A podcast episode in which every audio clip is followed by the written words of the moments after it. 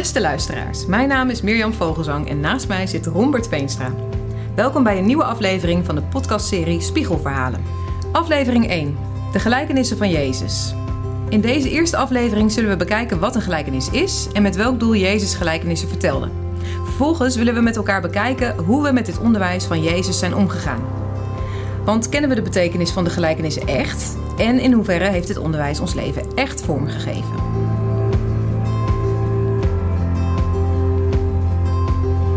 Ja, Mirjam, uh, aan deze, begin van deze aflevering heb ik een uh, vraag aan jou. Stel je voor dat jij een, uh, een beschrijving van het woord gelijkenis moet maken voor het Nederlandse woordenboek. Wat, wat voor een beschrijving zou jij dan zeg maar maken? En heb jij enig idee hoeveel gelijkenissen eigenlijk in het Nieuwe Testament in de Bijbel beschreven worden? Oké, twee, vragen. twee vragen. Laten we beginnen met de eerste. Dus een omschrijving van, of een definitie van het woord gelijkenis. Ja. Nou, ik denk bij gelijkenis aan, het is een vergelijking die je maakt.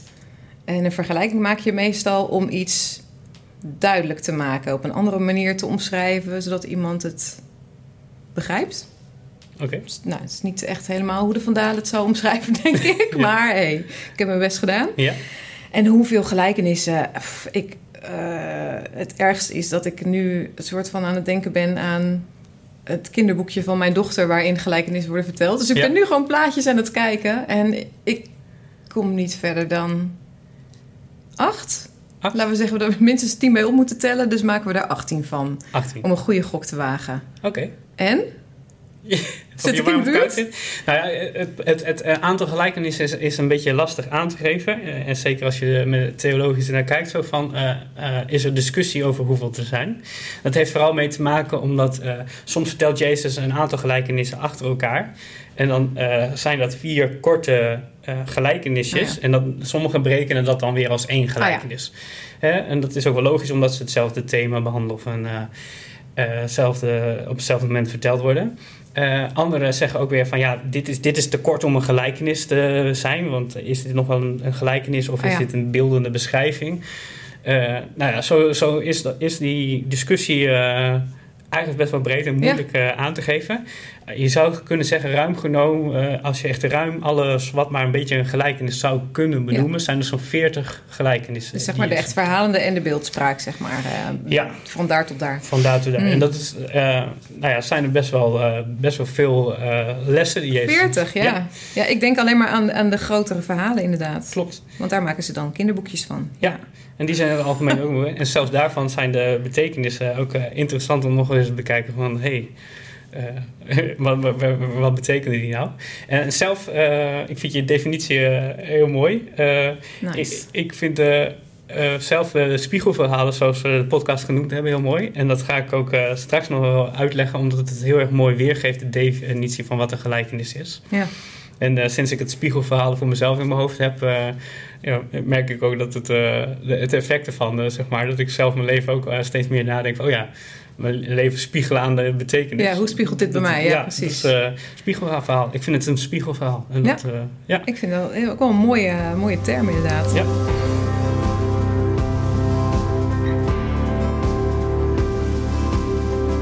Maar uh, eigenlijk om hier een definitie om uit te leggen van hey, die gelijkenissen, wil ik gewoon een beetje kijken nu van hey, wat is eigenlijk nu een gelijkenis als we daarover ja. hebben. Als je het goed ja, want we noemde je inderdaad, dan ben ik ja. wel benieuwd. Wat noem jij dan een gelijkenis? Ja, om daarmee te beginnen is dat een Bijbel is uh, opgeschreven in een cultuur die uh, echt heel beeldend taalgebruik is. Hè? Wanneer je in die cultuur iets wilde vertellen of iets overbrengen, wij, wij doen dat vrij direct met direct, dit is de boodschap. En in de, de cultuur waarin Jezus leefde was dat veel indirecter met beelden, gaven ze onderwijs, vertelden ze dingen. dus daarom staat de Bijbel ook vol met beeldspraak. En uh, er zijn heel veel vormen, maar er zijn vier vormen die ik uh, met je uh, gewoon kort zou willen bekijken.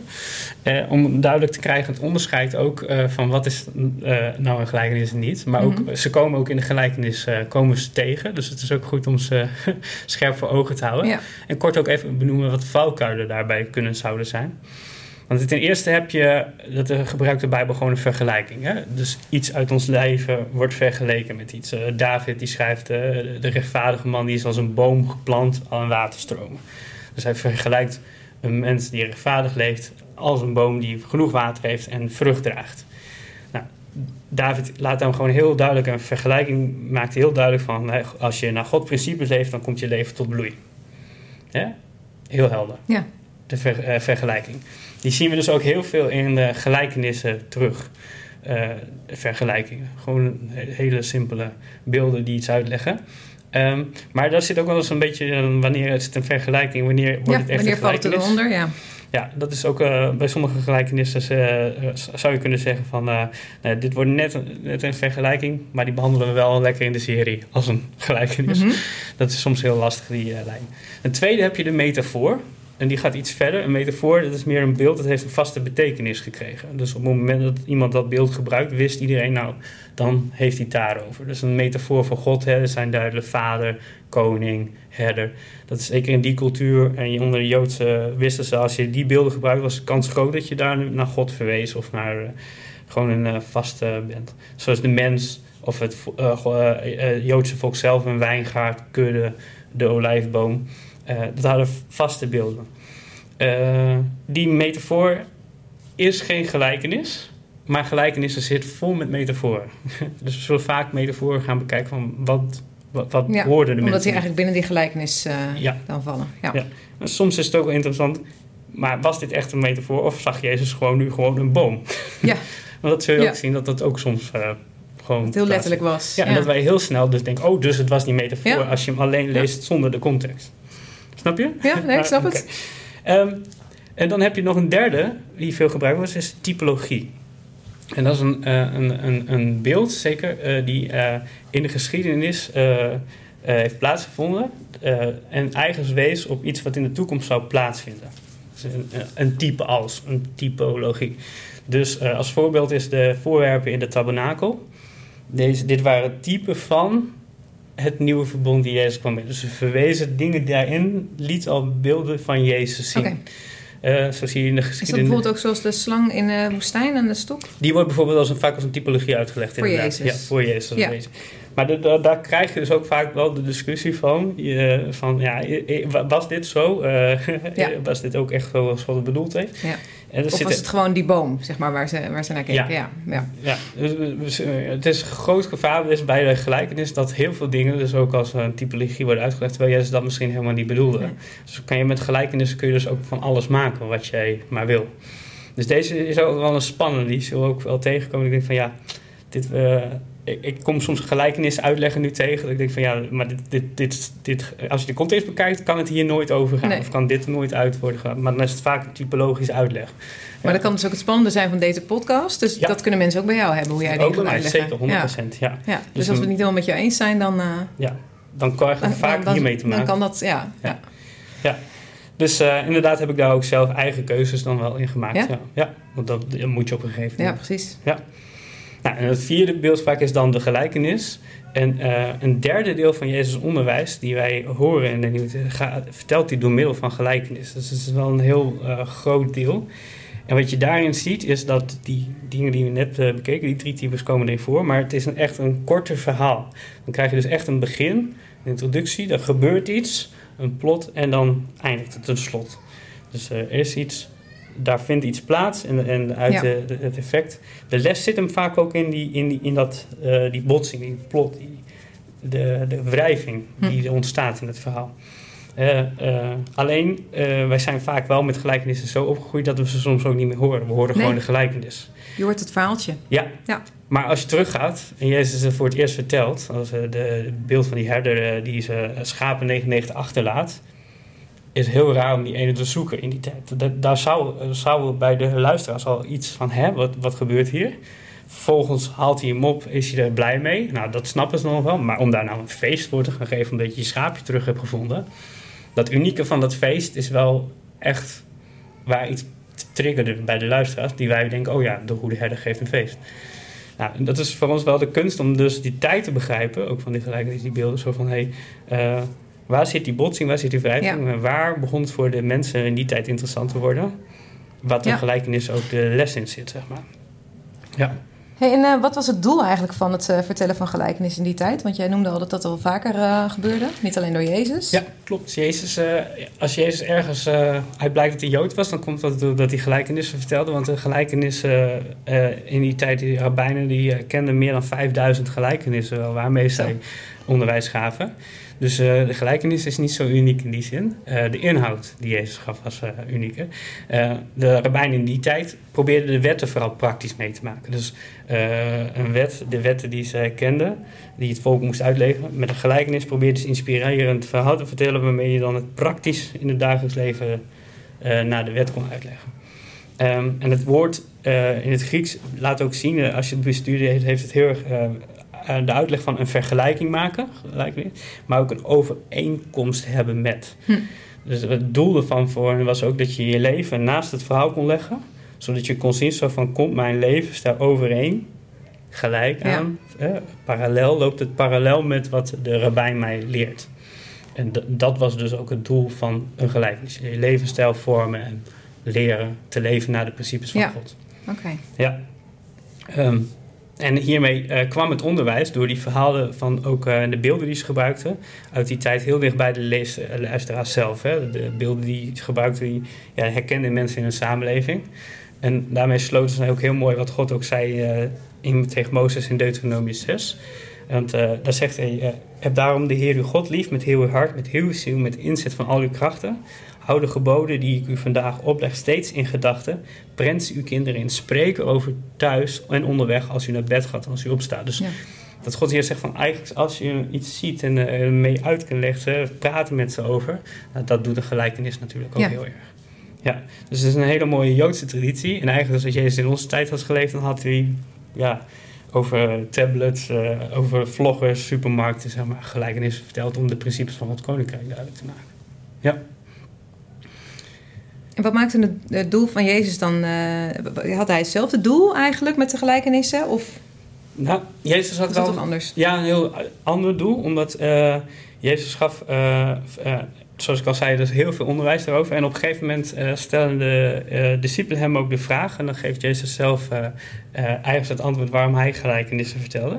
En dat lezen we in Matthäus 13, vers 13 en 14. Ja, zal ik die even lezen? Ja. Dit is de reden waarom ik in gelijkenissen tot hen spreek. Omdat zij ziende blind en horende doof zijn en niets begrijpen. In hen komt deze profetie van Jesaja tot vervulling. Jullie zullen goed luisteren, maar niets begrijpen. En jullie zullen goed kijken, maar geen inzicht hebben. Ja, Jezus is hier vrij duidelijk over uh, het volk. Jullie zullen geen inzicht hebben, wel horen en niet. Uh, maar dit is eigenlijk, als je de context uitlegt, heel logisch wat, waarom Jezus dit zegt. Omdat uh, in de tijd voor Jezus, van waar de profeten hadden gesproken, gezegd dat het koninkrijk van God zou komen, de Messias zou komen. En dan is er meer dan honderd jaar wel uh, is er stilte geweest. Uh, niet meer gesproken, God uh, gaf geen woorden meer door de profeten. Dus Israël moest het doen met die beloftes. Ja. En wat, wat, je zag is dat ze dat vasthielden, gingen uitleggen. Hoe zou die Messias er dan uitzien? Hoe zou dat, hè? En, en, gingen hun ideeën daarin geven, onderwijs vormen. En langzaam werd het onderwijs over de komst van de Messias, over de, over de wet, uh, kreeg steeds meer menselijke invulling ook. Ja. Uh, dus aan de ene kant uh, ging het op een gegeven moment dus ook niet meer uh, over de werkelijke plannen die God met de Messias had. Omdat ze toch een eigen invulling... Maar, met, maar over de invulling inderdaad die ze gegeven hadden. Over die honderden jaren, zei je? Ja, het gaat over ja. honderden jaren aan tijd. En, uh, dus je ziet dat, de, uh, dat Jezus eigenlijk tegen zegt... Jullie, jullie zien het wel, jullie weten het wel... Maar, maar jullie zien het ook niet, want ik zit voor jullie en het gebeurt en dat zien jullie niet. Dus jullie hebben het, eigenlijk weten ervan, maar hebben dit inzicht niet. Ja. jullie horen ook mij dit spreken, wat God zegt van de nieuwe verbond en die nieuwe dingen die ik met jullie sluit. Ik heb het erover. Ik doe de wonderen en tekenen en ieder ding. Dus jullie zien het letterlijk, maar jullie zien het niet. Nee. En dat is, vind ik, een heel interessant. Uh, uh, en dat zegt Jezus, en daarom spreek ik in gelijkenissen. Omdat ze vooral willen uitleggen voor mij uh, dat hij zegt van nee, ik, ik ben de Messias die komen gaat. Het koninkrijk is onder mijn komst gaat, heeft grote impact uh, op jullie leven.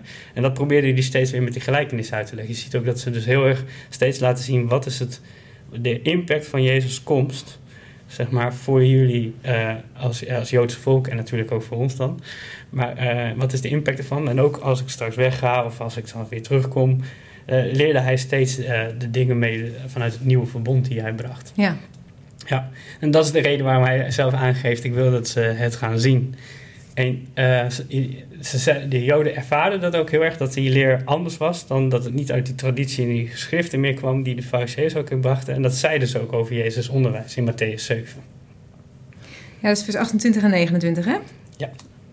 Toen Jezus deze reden beëindigd had, waren de mensen diep onder de indruk van zijn onderricht. Want hij sprak hen toe als iemand met gezag en niet zoals een schriftgeleerde. Ja. Ah ja. Ja, dus het was wel echt anders. Ja. Zoals ze dat zagen. Maar wel, ze gaven wel, zagen wel dat er gezag uitsprak. Ja, dus, dus de, de boodschap van hè, de, de, God, Jezus kwam echt het vaderhart van God vertegenwoordigen, het officiële plan weer, het officiële idee weer vertegenwoordigen, uitvoeren. Ja. En dat ervaarden ze dus op het moment dat hij sprak, Ja. dat hij weer terugging naar het vaderhart van God voor mij. Ik denk dat ze dat van voelden en dat daardoor ook dat gezag noemden. Hm. Hè, hetzelfde als ik tegen Lise eh, iets zeg, zeg maar, dat ervaart ze dat het vanuit mijn hart komt. Dat ze naar luistert omdat ze me vertrouwt of omdat ze me eh, hoog heeft staan of zo. Eh, Ja, het is je dochter, hè? Even ja, voor de luisteraars. Ja, ja, ja, mijn dochter. Dus die reageert omdat ze de stem van mij eh, daarin herkent en dat ze naar luistert. Dus, dus ik denk dat de Joden dat ook door Jezus ervaren. Dit is het, de stem van het hart van God die ze weer horen. In plaats van alleen de uitleg van de schriftgeleerden die een traditie in stand hielden of. Een theologie probeerden vast te houden. Ja. Ja. En dat vind ik zo mooi aan het, eh, dat ze dat ervaren. Maar ook voor ons is het wel interessant om op zoek te gaan, denk ik, naar die, eh, nou ja, door de Heilige Geest ook, van eh, die gelijkenis die Jezus ook tegen ons zegt, om, om die stem te horen. Hè? Ja. Dat Ja. toe te laten in ons leven van het vaderhartje die Jezus daarmee ver, ja, verwoordt. en dat was ook het doel, want Jezus zegt in Matthäus 11, 25 en 26 namelijk het volgende. In die tijd zei Jezus, ik loof u vader, heer van de hemel en aarde, omdat u deze dingen voor wijze en verstandigen verborgen hebt gehouden, maar ze aan eenvoudige mensen hebt onthuld. Ja, vader, zo hebt u het gewild. Ja. En dan vind ik het ook heel mooi is dat hij zegt van, hij zag dat de mensen, juist die niet zo eh, hè, zichzelf vertrouwden, dat ze het wel wisten hoe God alles zou gaan doen, maar open stonden om de woorden van te horen, dat die het ontvingen eh, wat de God tegen ze wou zeggen door die gelijkenissen. En mensen die niet zo geleerd en eh, misschien waren in de wet en de diepe principes, Mhm. maar gewoon God weer ontmoeten en ontvingen. ja. En dat, dat het ook het verlangen van de vader was dat iedereen, en niet alleen dat groepje theologen of die fariseeërs, die ook hun gelijkenissen nog niet eens vertelden aan alle mensen, maar vooral aan het groepje waar ze zelf bij zaten. Dus het ook gesloten hielden voor onderling, die wijze Dus het ook een beetje voor zichzelf hielden, zeg ja, maar. en niet het hele volk meenemen. God zei, maar, Jezus zegt hier, maar, u hebt het gewild dat iedereen u leerde kennen. Iedereen. En dat, eh, ja, dat is vooral het doel dat Jezus voor mij had. Hè? Wat we ook eens zeggen, volwassen kinderen worden van God de Vader. In die zin dat ze dat werden door de gelijk. Maar ook voor hemzelf van, eh, in zijn koninkrijk eh, ze meenamen als dienaar om dat koninkrijk ook vorm te geven. Ja. Ja, dus het is een prachtig eh, ook doel die Jezus met de, met de gelijkenis. En die wij ook gewoon, denk ik, voor onszelf ja, gewoon weer scherp voor ogen mogen houden. In de komende aflevering ook. Of als we naar die boodschap gaan kijken van... Hey, ja, de- dat hart van de vader daarin opzoeken. Zo van, eh, wat wil, wat wil u Ja. hier tegen mij zeggen? Wat, Ja. wat, wat, wat ken ik hier eh, van en wat nog niet? En ook nog even wat verder kijken dan alleen maar het verhaal wat je... Tussen wat ik dan vooral herken mijn kindertijd. Ja.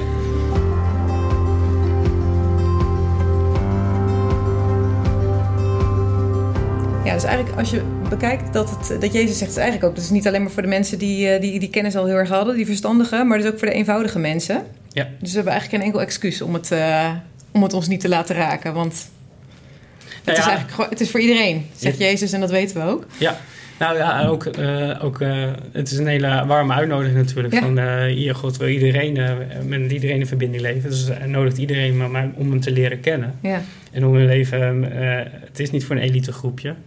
Ik, eh, ik, vader, zo hebt u het gewild, dit is uw hart, dat iedereen u leerde kennen. Ja. En dat vind ik er heel mooi aan, zeg maar. Ja. Maar als ik zo die tekst voorlees, hè, Mirjam, dit is de reden waarom ik in gelijkenis tot Mirjam spreek, hè, als je het zo zou invullen. Omdat zij ziende blind en horende doof is misschien en, en, en niet begrepen. Als je hem zo invult, zeg maar, eh, eh, de gelijkenis. eh, ik ontdekte, ik zal even uitleggen waarom ik deze tekst Ja. uitleg.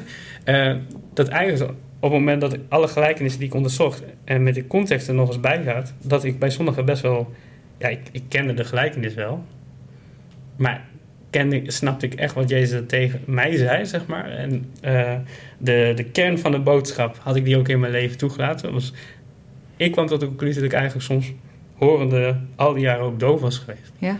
Omdat ik niet de, niet de diepte van, die, uh, van de boodschap gehoord had en niet toegelaten had ook Ja. daardoor. Ehm, als jij zou kijken naar de gelijkenis hoe je gewoon in je leven zeg maar, ze gehoord hebt. eh, misschien zondags nog wel eens voorbij komt gaan. eh, herken je dat dan? Of zeg je van, hé, eh, herken je dat? Dat je, dat je ze veel, veel jaren hebt toegebracht. Welk gezag he- hebben gelijkenissen heb jij in je leven gegeven? Ja, ja, ik herken wel wat jij zegt. Alleen, ja, ik ben natuurlijk gewoon... Ik sta nu aan het begin, hè. Dus ik ga met, met jou deze reis maken. Dus, ehm, maar ik herken wel, en dat zei ik net al... Van, ik ken, voor mij zijn het een beetje kinderverhalen. Hm. En dan ken je ze dus super aan de oppervlakte. Ja. Ehm, en dan eigenlijk kijk je dus helemaal niet verder. En, en het stukje, hoe pas je het dan toe op je eigen leven? En wat was hetgene wat Jezus eigenlijk tegen mij wilde zeggen? Ja. Ja, dat, ik denk dat ik daar nog niet eens echt aan geraakt heb. En ik merk ook als ik het aan mijn eigen kinderen vertel over een gelijkenis heb, dat ik echt vaak aan het zoeken ben. Ik heb het altijd over dat boekje in het begin. Ja. Het is echt wel een heel leuk boekje. Ja. En daarna wordt altijd de tekst ook opgelezen die bij de gelijkenis past. Ja. Maar om het vervolgens uit te leggen aan mijn kinderen wat we daar dan mee moeten, ja, daar, daar worstel ik mee. Ja. Dus heel eerlijk denk ik dat ik, dat ik hier nog heel veel in, eh, in, eh, in moet gaan ontdekken. En dat als ik kijk naar hoe pas ik het toe, nou dan hoop ik dat ik, eh, dat, ik dat op een bepaalde manier wel ben gaan doen. Uh, maar niet zozeer omdat ik die gelijkenissen zo goed begrepen heb, denk ik. Nee, het, het, feit dat je dus lastig kan verwoorden wat... wat je kunt het de gelijkenis ja. zelf wel verwoorden. Ja. Maar verwoorden wat nou letterlijk uh, jou wil leren. Of soms... Ja. Uh, wat doe je hier dan mee? Wat doe je mee? Waar herken je het in je leven? Ja. ja. Nou, die, die herken ik wel. Zo, ik, ben, uh, ik heb de eerste hoofdstukken geschreven. Ik ben nu bijvoorbeeld heel erg bezig met een uh, met een hoofdstuk van uh, de hand afhakken en dat soort dingen. Dus ja. Dat, ja, dat, dat, zijn zulke abstracte beelden in die zin eerst. En nu ik, nu ik ze dat onderzoek, merk ik van uh, dit zijn, uh, dat ik veel bewuster word van dit is een moment in mijn leven waarin Jezus mij die les niet dat ik letterlijk mijn handen af moet hakken, maar wat hij daar wil, wil. Ik loop nu de hele tijd mijn handen figuurlijk zeg maar af te hakken. Want ik denk, oh ja, dit is een moment waar, waar Jezus zal zeggen, nu moet je radicaal ingrijpen. Ja. En, en, en ja, zo hebben de gelijkenissen bij mij eigenlijk uh, dat beeld ook heel lang. ja, ik hoorde het wel, maar hoorde niet hoe dat mijn leven kon veranderen, zeg nee. maar. En dat het dan inderdaad heel lastig als je, als je niet eens kan uitleggen. Zo van, uh, nou, dan heeft het waarschijnlijk in je eigen leven ook nog niet uh, die plek gekregen die het, uh, waarin Jezus ons voor uitnodigt ja. ook, hè, om het te hebben. Ja, en dat, dat ja. Dat... Maar jij bent je daar wel bewuster van geworden. Dus in ieder geval dat stukje, dat stukje wat je met die hand afhakken dan noemt. Ja. Ja, zeker. Ook, ook, maar ook uh, de eerste, alle, alle, als we straks, uh, we gaan de, de komende aflevering is de wijnzak, zeg maar. Alleen als je die kijkt, de impact van, van uh, hoe die me, als ik de context ontdekt en echt scherp doe, wat Jezus dat zegt, hebben die beelden veel meer een, het beeld helpt me nu ook om het uit te leven. Ja. en anders is het een mooi woord en een mooi beeld. Maar, maar nu, ik, nu ik door heb, oh ja, je, je kiezen, ja, we weten wat we moeten kiezen, maar ja. wanneer gebeurt dat dan? Ja, precies. Tussen nou ja, en dat is het, dat merk ik wel van, je, je leest dat en heel vaak denk je dan in de vorm van Jezus had het tegen de fariseeën en daarmee zet je jezelf een beetje soort van weg alsof het, alsof het niet op mij, zeg maar, van toepassing zou zijn. En Ja. daarmee maak ik het mezelf ook denk ik best wel makkelijk. Ja. Heb ik me dat makkelijk gemaakt als ik die gelijkenissen las en dacht ik, ja, had het tegen die slechte mensen, alsof ik daar zelf niet onder zou vallen, want ik, ik hoor bij de goede kant. En dat is natuurlijk gewoon, ja, dat, kan, dat kan niet kloppen. Ik, uh, ik moet mijn lessen daar ook uh, uit kunnen halen natuurlijk. Ja, zeker. Op die manier kun je wel makkelijker uh, langs je heen laten ja, gaan precies. en niet binnen laten komen. Ja. Terwijl het een mooi avontuur is. Om, nou, stel je voor, wat van die fariseërs zit dan in jou? Ja. ja, want dat, dat hebben we allemaal dingen van Ja. die niet kloppen. Of ingevulde beelden van verwachtingen van God. Of, en, en, en dan dat toe te laten komen. Oké, okay, als dat in mij zit, wat zegt Jezus dan nu direct dan tegen mij? En Ja. waar kan ik dat... Dat is, dat is denk ik waarom gelijkenis ons uh, kunnen verrijken. En dat het ook ons gelijk kan maken aan wat Jezus natuurlijk zelf leefde. Dus als we op Jezus... Uh, Jezus is één gelijkenis voor ons. Uh, om, om, Ja. om het te spiegelen. Maar dat kan alleen als we dat wat voor hem waar was, wat hij daarin leerde, dus ook gewoon wel toelaten en dat durven aan te gaan. Ja, het durven aan te gaan, ja. Ja, ook als het uh, confronterend is. Ja, want ik, wil zeggen, want ik vind het een hele confronterende tekst, inderdaad. Ja, Eh, dus ja, ik, eh, nou, ik durf het aan blijkbaar, want Ja? ik zit hier toch. ga je nog verder? ja. nou ja, goed. De, het is een mooi avontuur. Het heeft mij veel... Uh, uh, gewoon ook weer dat de Bijbel gewoon uh, gaat leven. Hè? Dat, je, dat het weer ook gewoon... ja, je kunt wel gaan lezen en lezen en lezen. Ja, leuk dat we dit dan lezen. Ja, maar het is ook het levende woord. Ja, het, het schept ook iets nieuws. En, en, en om dat gezag, wat we net ook over hadden, dat ze ervaren, dat de Heilige Geest dat ook in jouw leven wil doen, dat je, dat je ervaart, ja, dit is, dit is een ander soort les die mij gegeven wordt eh, op dit moment. Het vraagt wel behoorlijk wat nederigheid van mij als eigen, eigenwijze Hollander. Of ons als eigenwijze Hollanders, denk ik. Ja, en kwetsbaarheid van. Ja. ja. Dat zijn we niet zo gewend, denk ik. Tussen? Vinden we lastig, denk ik. Ja. Ja, ja. absoluut. Absoluut, ja. Het is wel een eh, pittige uitdaging, denk ik. Jazeker. Hoe kunnen we er dan voor zorgen dat we die lessen uh, vorm gaan geven? Of dat de lessen van Jezus vorm gaan krijgen in ons leven? Ja, nee, in eh, Johannes 14, vers 26 zegt Jezus... Later zal de pleitbezorger, de Heilige Geest... die die Vader jullie in mijn naam zal zenden... jullie alles duidelijk maken en alles in herinnering brengen... wat ik tegen jullie gezegd heb. Ja. En, en ik denk dat de vorige keer hadden we het er ook al over... van de Heilige Geest die het doet, maar deze tekst laat het ook heel mooi zien als, de, als, als we dan tot een clue, komen. Hier gaat de gelijkenis En hier voel ik het wrijven op dit moment. Ja. dit, dit, dit, hier kan ik groeien of ontwikkelen. Dat na het luisteren van de afleveringen, of uh, die reflectie die wij ook hebben gehad, dat we dan de Heilige Geest uitnodigen. Om dat ook in herinnering te brengen door de week of, hè, of uh, in de dagen daarna.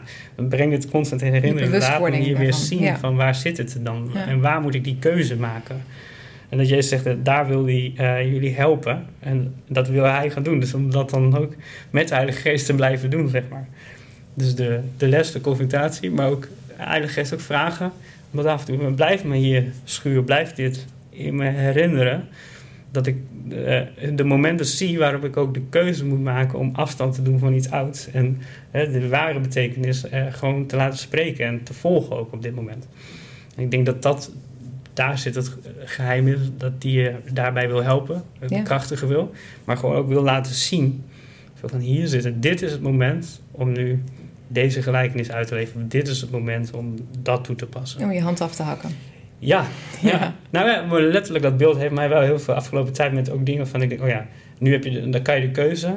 En door gewoon dat dat beeld even door je hoofd flitst, zeg maar, van dat je, oh ja, dan, dan, dan biedt het wel de opties om die groei te ontvangen of ja. ook uit te stappen, zeg maar. Nou, en ook wel mooi dat het dus zo'n, soms zo'n radicaal voorbeeld is. Omdat een radicaal voorbeeld je ook veel meer helpt om ook echt een radicale keuze te maken. Dus een hand afhakken zal je niet doen, maar wel eh, op het moment dat dat je voorbeeld is, ja. is het misschien makkelijker om ergens zo afscheid van te nemen of nou ja, een andere weg in mee te kiezen. Ja.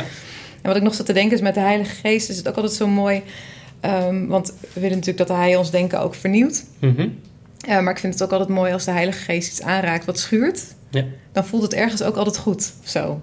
Het is nooit veroordelend, maar het is altijd. het voelt ook altijd als een kans om te groeien. Zoals een vader je kans zou geven om, om te groeien. Dus dat, uh, Absoluut. Ja. En, en dat hij, hij legt uit, hij nodigt je uit, maar hij ook de kracht geeft om het te doen. Hè?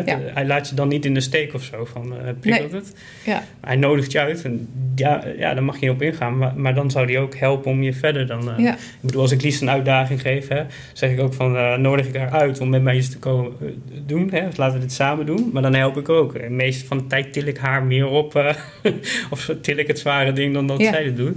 Maar ze doet het daardoor wel, omdat, en zo werkt de geest bij ons ook. Ja, omdat ze gewoon weet, als mijn vader het van me vraagt, dan... Ja, dan ga ik dat avontuur ja, aan precies. met hem. En dan is hij er ook. En uh, ja, 80% til ik, 20% tilt zij. Maar zo werkt de Heilige Geest ook onze levensstijl vernieuwen. 80% verandert hij. Die 20% die wij aangaan daarmee, uh, heeft hij wel nodig. Ja, ja. ja. precies. Wel dat we die stap gaan nemen, ja. ja.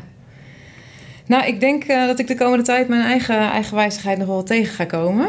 Ja. En uh, ik, uh, ik ga de uitdaging aan. Nou, mooi. Om dit uh, te gaan doen. Ik ook. En ik ben benieuwd welke nieuwe inzichten jij ook tegen gaat komen. Ja, zeker. Die gaan geheid komen. Dat, ja. Ik zie er naar uit. Ik ook. Mooi.